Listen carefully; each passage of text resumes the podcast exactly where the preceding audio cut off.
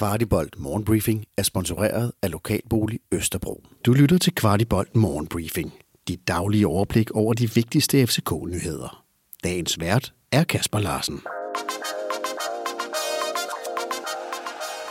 Onsdag den 3. august. Og vi lægger ud med nyheden om, at Modarami er landet i Roskilde for at skrive under på en etårig lejeaftale med FC København. Mo har som tidligere fortalt valgt større klubber fra for at komme hjem og kickstarte sin karriere i FC København igen. Ideen har været født i et stykke tid, men først mandag fandt parterne endelig en løsning, der betyder, at Mo kan komme hjem på leje, samtidig med, at Ajax betaler dele af hans løn det kommende år. Så når I lytter til dette, kan Mo meget vel være officielt præsenteret, og dermed kan han gøre comeback her cirka et år efter han forlod os, efter et forrygende august, hvor han med afstand var ligaens bedste spiller. Herfra er der kun at sige, velkommen hjem Mo, vi har savnet dig. Lodtrækningen til playoff til Champions League er foretaget, og FC København trak som bekendt Trabzonspor fra Tyrkiet. Vi starter hjemme tirsdag den 16. i 8. kl. 21 og slutter i Tyrkiet onsdag den 24. i 8 ligeledes kl. 21. Cheftræner Jes Torup udtaler efter lodtrækningen, at vi naturligvis går efter gruppespillet, og at alle i FC København glæder sig til udfordringen. Torup påpeger, at trænerstaben allerede kender lidt til holdet, der jo både har Jens Stryger Larsen og vores egen Andreas Cornelius med i truppen. Thor påpeger, at lige nu er det fulde fokus på Superligaen, og at vi først har fokus på Champions League efter Randerskampen næste fredag. Her på Kvartibolt-redaktionen mener vi ikke, at det er den bedste lodtrækning, men alligevel har jeg bedt vores fodboldanalytiker Mikkel Tolstrup Larsen om at komme med sin vurdering af opgørende. Øh, FC København har som bekendt trukket Trabzonspor, og det vil jeg lige komme med mine korte perspektiver på her. Kigger man bare ved første øh, øjekast på, på styrkeforholdet, øh, så må man sige, at hvis man bruger sådan noget som transfermagt som indikator, så ligger øh, øh, Trabzonspor på omkring de her 120 millioner euro. FC København ligger på omkring 100, eller undskyld, på omkring 60, så det er altså dobbelt op. Og til sammenligning var alle de andre potentielle modstandere, vi kunne støde ind i her i den her fjerde afgørende øh, playoff, øh, de var lavere end FC København øh, på øh, transfermarkværdi. Øh, Bodø Glemt helt ned omkring de her 20 øh, millioner euro. Um, så det er klart, at det, øh, det var ikke den ideelle lodtrækning.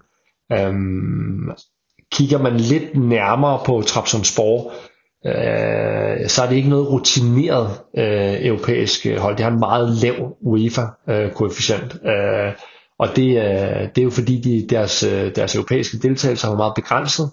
Øhm, og det er ikke voldsomt mange point, de har samlet sammen. Så det, det tror jeg er en af de muligheder, vi skal kigge på. Det er, at et Trabzonspor er ikke noget rutineret europæisk hold, på trods af, at de har øh, nogle, nogle spillere af højere værdi end FC København, og de øh, overordnet set er, er mere profileret, jamen så er de ikke vant til at spille i Europa.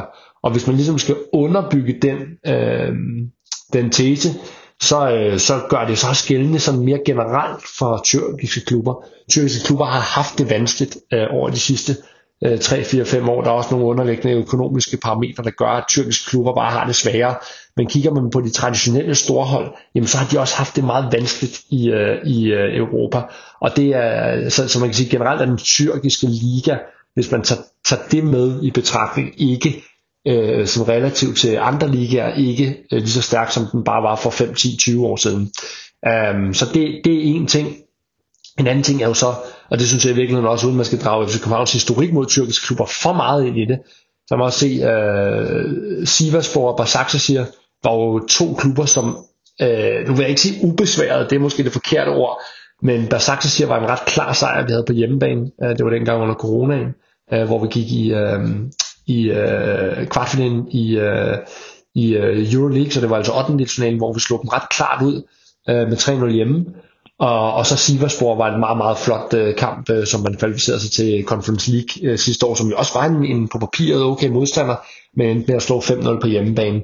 Øh, og så har man faktisk også Galatasaray man at slå på hjemmebane, men det, det er over 10 år siden, øh, eller lige under 10 år siden.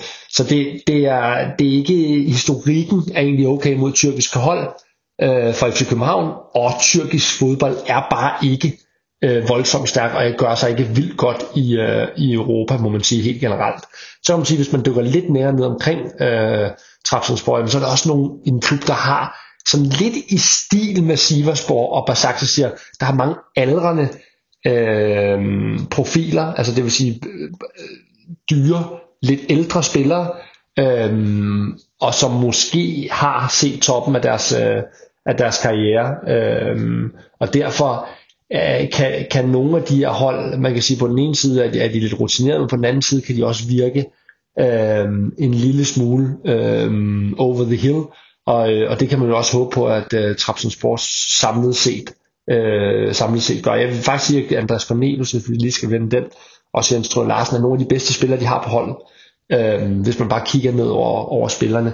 Så, øh, så øh, ja, det var ærgerligt at trække Trabzonspor. Det var øh, det værste hold, øh, man kunne trække. På den anden side, så er der også nogle perspektiver, øh, hvis man kigger både historisk set og på tyrkisk fodbold generelt, der gør, at øh, FC København står slet ikke uden muligheder. Jeg vil vurdere det som omkring ja, 45 i FC København for øre og, øh, og 55, og det gør jeg faktisk primært fordi, og det er måske den vigtigste pointe omkring den her kamp, at vi desværre skal spille ude sidst, efter man har sløjfet ude bag målene, jamen så er det jo blevet en relativt større fordel at slutte hjemme, og det gør øh, Trapsonsborg her.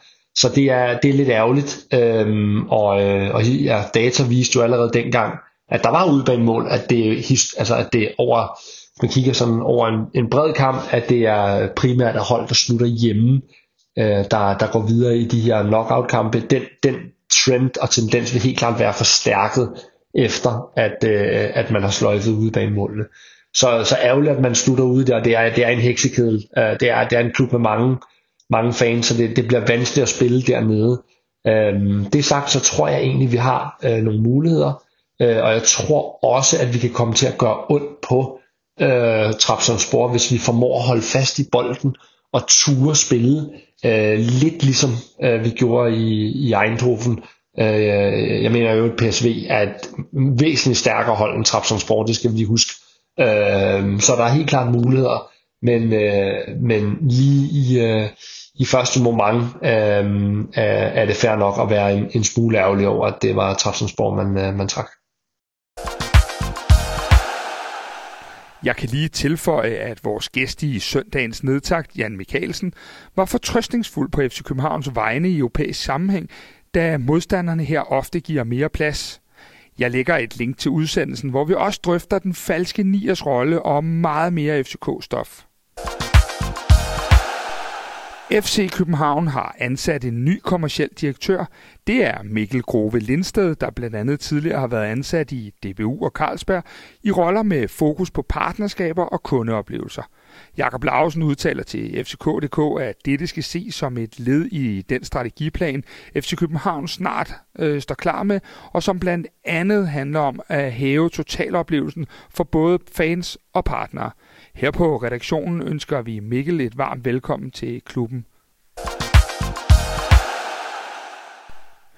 Fem spillere fra vores talentfulde U17-hold er netop udtaget til det danske landshold. Det drejer sig om keeper Tobias Breum Haril, Oliver Højer, ja, søn af Lars Højer, Graham Ankamafibio, Robert Risnes samt Jonathan Moalem alle en del af en yderst talentfuld årgang, som der forventes en del af. Tillykke, drengen.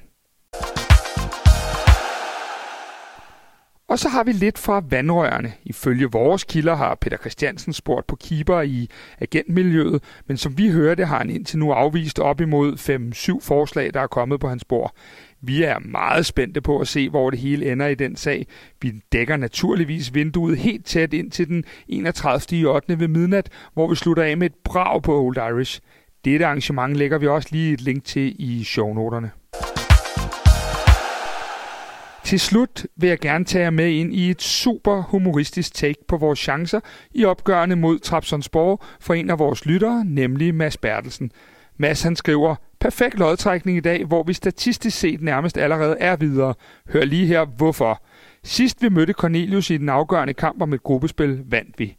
Sidst vi mødte de tyrkiske mestre, vandt vi.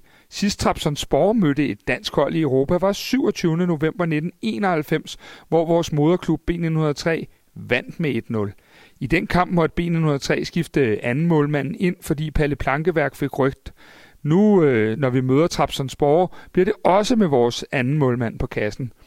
Målscorer i kampen mellem Trapsonsborg og B103 var Lars Højer, der nu er chefscout og leder efter en angriber, der kan score det afgørende mål mod Trapsonsborg.